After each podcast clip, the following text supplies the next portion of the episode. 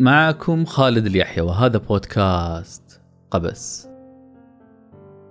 ستغفرون لي هذه المرة أن أتلكأ في سرد قصة اليوم، وألا أنساق وراء الإغراق في تفاصيلها.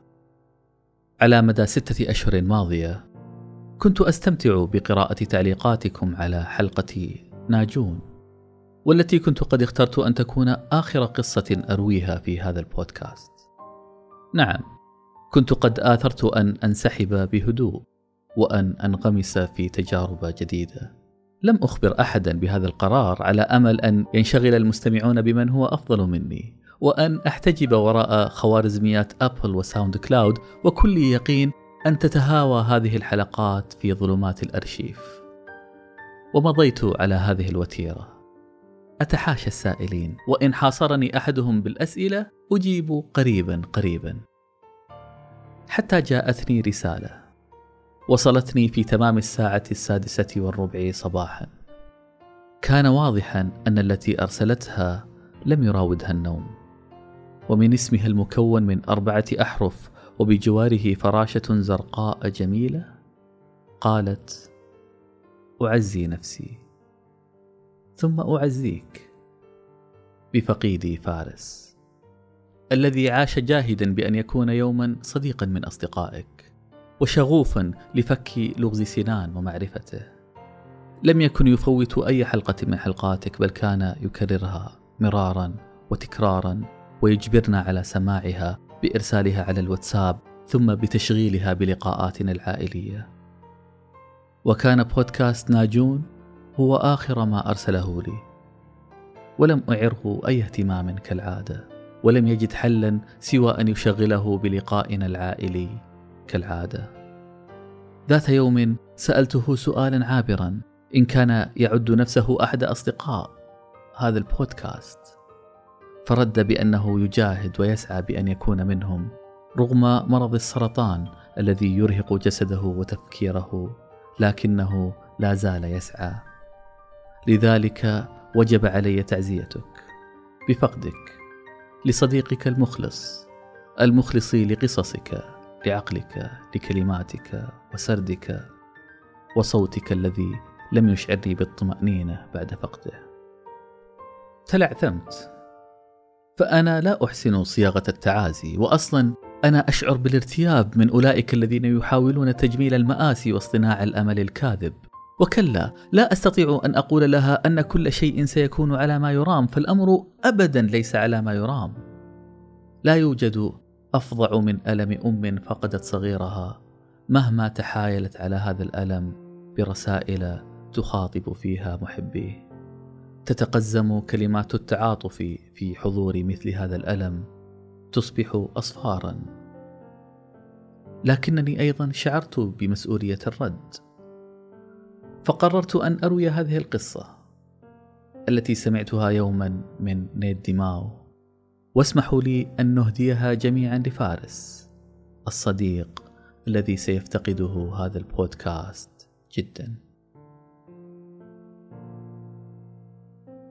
كانت فتاة تشع بالسرور جذلة مبتهجة اسمها إليزابيث. عندما بلغت الحادية عشرة من عمرها داهمتها علة من حيث لا تحتسب.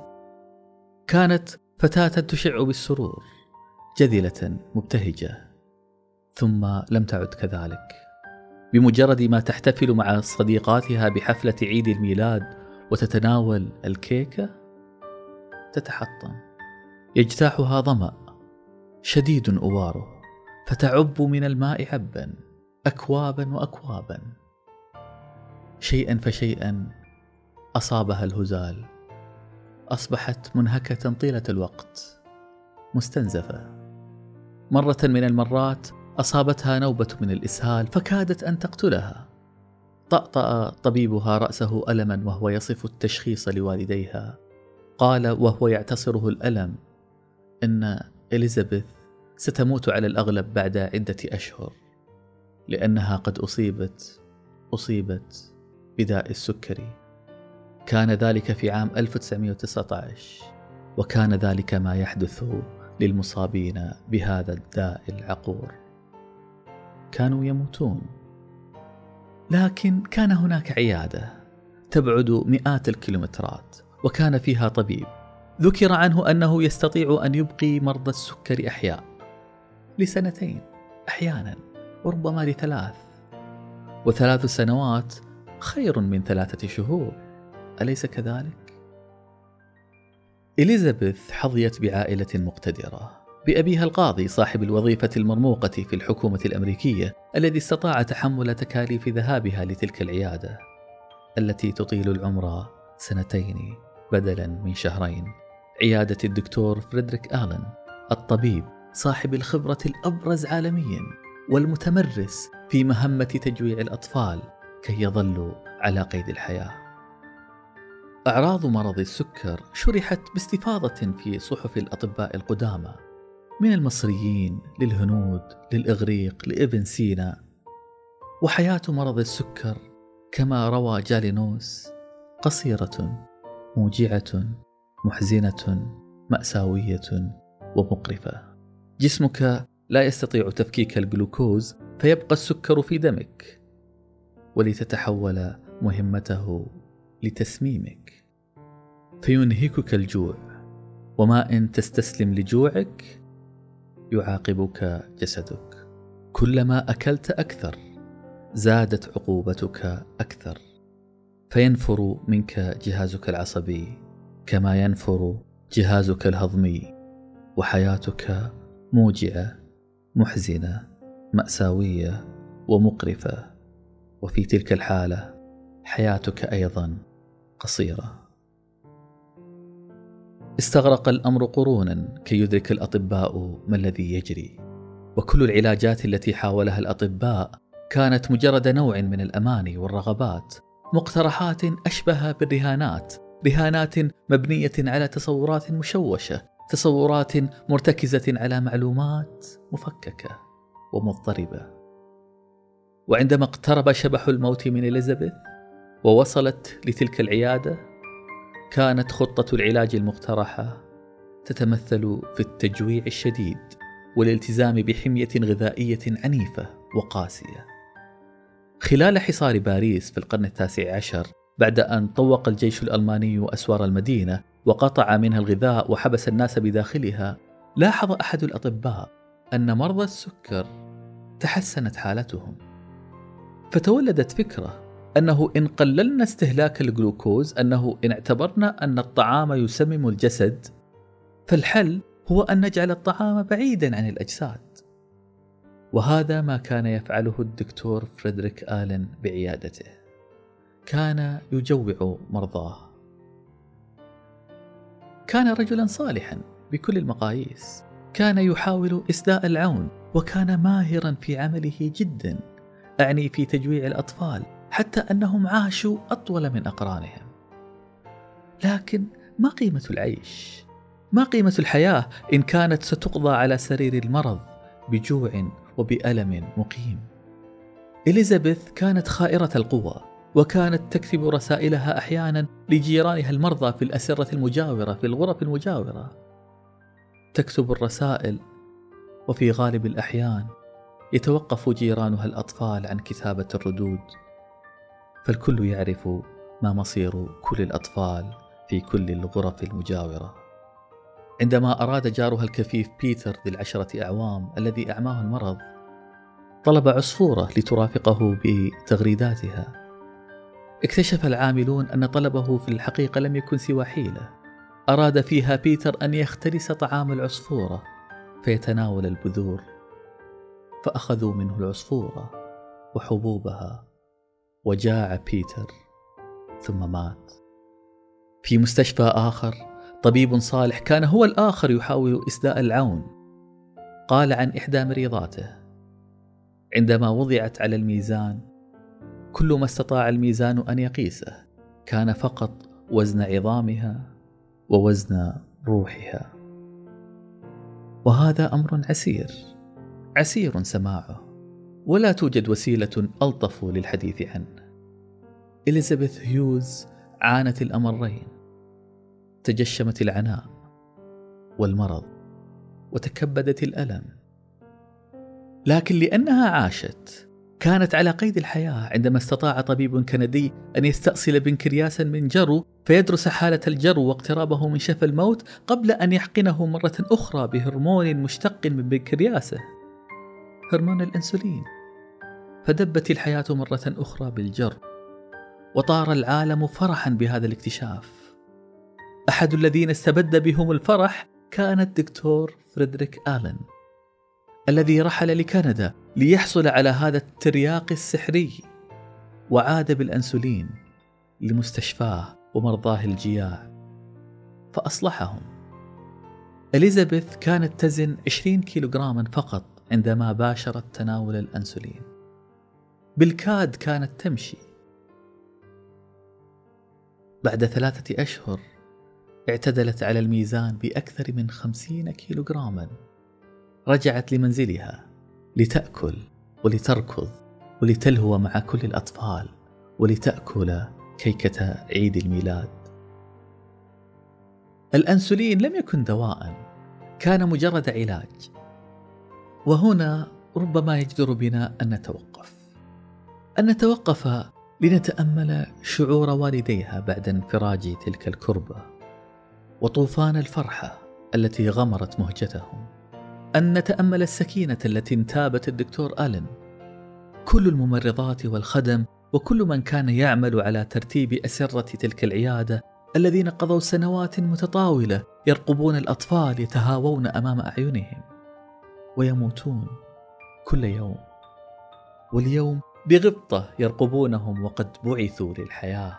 أن نتأمل شعور الارتياح الذي ساد لدى كل الآباء والأطباء والأمهات الذين وردهم خبر نجاة ابنة القاضي من هذا المرض المميت.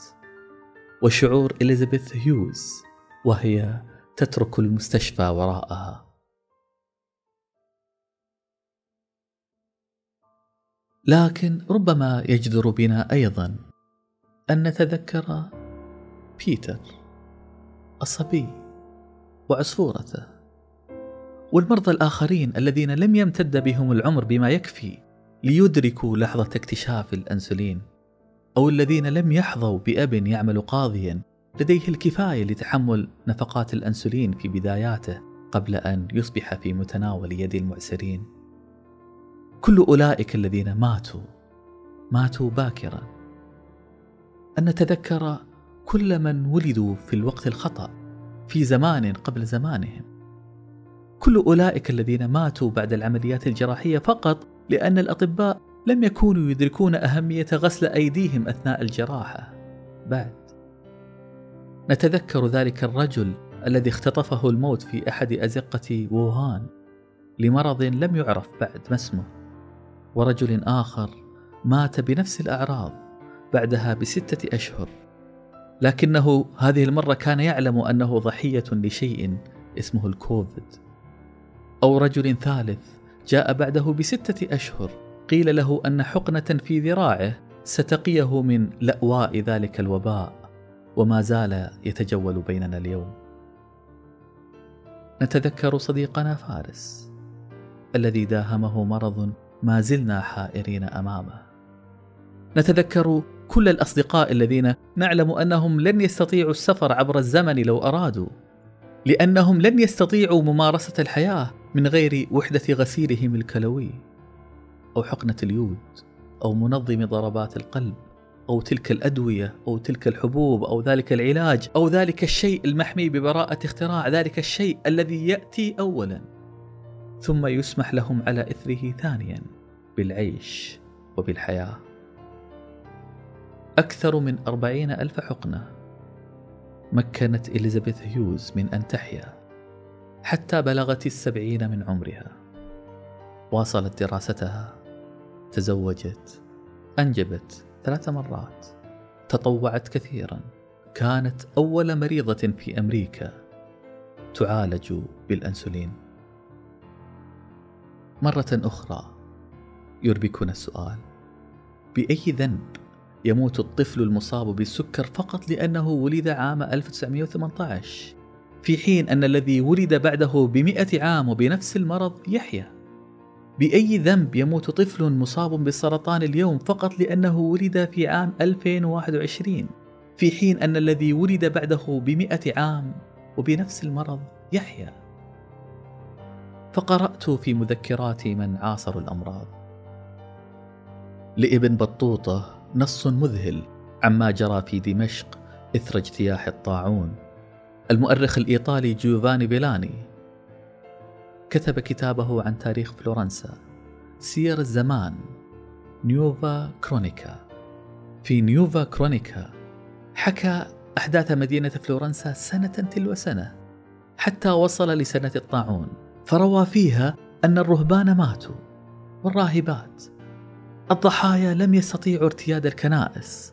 الجثث تناثرت. البيوت صارت موحشة خاوية وأقفرت المدن.